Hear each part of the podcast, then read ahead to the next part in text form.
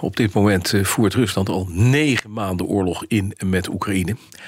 Rusland verliest zo nu en dan terrein. Weet voorlopig van geen ophouden, zo lijkt het. Eh, de grote vraag is hoe verder.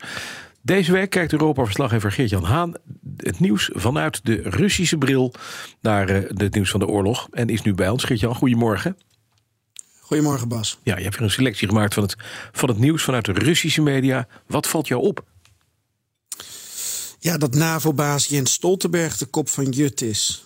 Kijk, elke week zie je dat staatsmedia en talkshows een kop van Jut nodig hebben in opdracht van het Kremlin. Het is een publiek geheim dat het Kremlin eh, die uh, koppen van Jut en verhaallijnen ook bespreekt en doorgeeft aan Russische media. En de uh, oorlog van het collectieve Westen met Rusland, dat blijft een, een belangrijk verhaal dat gepresenteerd wordt. Daar worden soms personen uitgelicht. En nu is uh, Jens, dus de pineut, de man die volgens de Russische propagandashow 60 minuten, je weet wel, dat programma dat 2,5 uur duurt, precies. eindeloos door wil gaan met deze oorlog. En uh, in 60 minuten openen ze dus minutenlang met een Noord-Koreaanse montage van de secretaris-generaal van de NAVO. This is a war of aggression. Russia has invaded a neighbor, Ukraine, which is acceptable for Ukraine. We need to provide military support to uh, Ukraine. This is important. No one should support Ukraine. Uh, sorry, uh, sorry, Russia.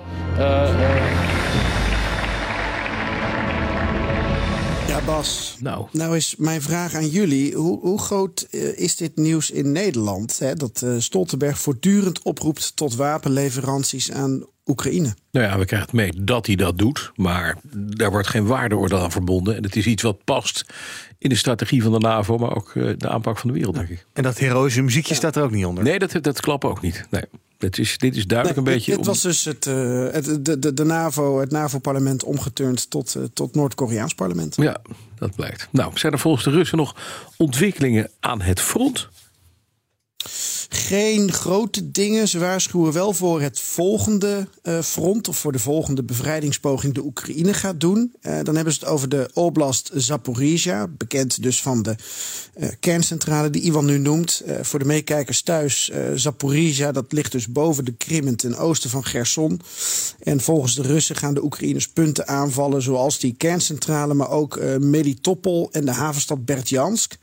Um, ik had wel eerder al begrepen dat de Russen inderdaad zich flink aan het versterken zijn daar. Nu ze een deel van Gerson uh, hebben opgegeven. Ik denk zelf eerder dat Oekraïne daar een, een, logistieke operatie gaat uitvoeren. Want daar zit nog een heel belangrijke, nog werkende spoorlijn vanuit Rusland naar het front. -hmm. Zeker nu de Krimbrug nog niet optimaal functioneert. Maar die um, optie wordt nu niet helemaal gegeven in de Russische media. Oké, okay. en dan wordt het uh, tot slot een drukke dag voor Vladimir Poetin. Waarom? Ja, wel een interessante, want hij gaat bijvoorbeeld moeders van gemobiliseerde mannen ontmoeten. Mm -hmm. Dan is een tijdstip daarvoor nog niet bekendgemaakt, waarschijnlijk vanuit uh, veiligheid. En verder doet Poetin heel veel van achter de computer. Um, het is bekend dat, uh, dat hij uh, vandaag om 11 uur Nederlandse tijd. Uh, dat hij gaat toezien hoe de Russische vlag wordt gehezen op de nucleair aangedreven ijsbrekers Oeral en Yakutia. Dat zouden dan de grootste en krachtigste nucleaire ijsbrekers ter wereld zijn. En hij is dus per video bij de ceremonie. Mm -hmm. dat, dat zag ik hem gisteren ook doen. Alleen toen moest ik even goed kijken wat voor bijzonder moment dat dan was. Daar komt hij. Poetin opende een kalkoenfokkerij. Oh. Digitaal. Hm. En de productiviteit van deze broedende kalkoenvermeerderaar zal 12 miljoen eieren per jaar zijn, werd hm. mij ook verteld. Zo, een kalkoenfokkerij. Nou, doe maar. Ja, in de regio Tjumen in West-Siberië. Maar uh, zelfs de online ceremonie van een Siberische kalkoenfokkerij mondde uit in een verwijzing naar de sanctieoorlog van het Westen met Rusland. Of eigenlijk, het is allemaal de schuld van het Westen.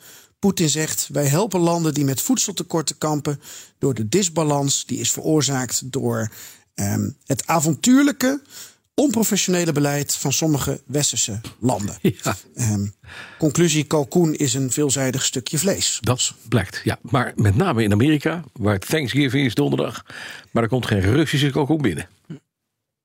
Uh, dat wordt lastig, denk ik. Dat denk ik ook. En dan staat er in die fokkerij een scherm met Poetin erop en die knipt dan virtueel een lintje door of zo. Hoe ziet dat eruit? Dat ziet er uh, als volgt uit. Ze hebben een videoverbinding met elkaar. en uh, Poetin ziet dus vier mannen die uh, echt kijken alsof ze uh, naar God himself uh, aanschouwen. En dan gaan ze op een hele grote knop drukken in de ja. vorm van een ei. En daarmee is de ceremonie dan dus ook beklonken. En Poetin die zit met een heleboel papieren driftige aantekeningen te maken. Um, probeert goed op de hoogte te zijn zegt één keer uh, gefeliciteerd. En dan begint hij dus zijn rant over voedselproductie in Rusland. En uh, allemaal de schuld van het Westen. Duidelijk. Dan klikt hij op disconnect en is het weer klaar. ja, ja okay. klaar. Vallend. En dan gaat hij naar de volgende online ceremonie. Want hij doet heel veel online. Dus dan gaat hij straks een, een nucleaire ijsbreker. Gaat hij, gaat hij een digitale champagnefles er tegenaan. Dat is ook wel fijn. Dankjewel. Geert-Jan Haan, onze Europa-verslaggever. Die deze week het Russisch nieuws volgt over de oorlog in Oekraïne.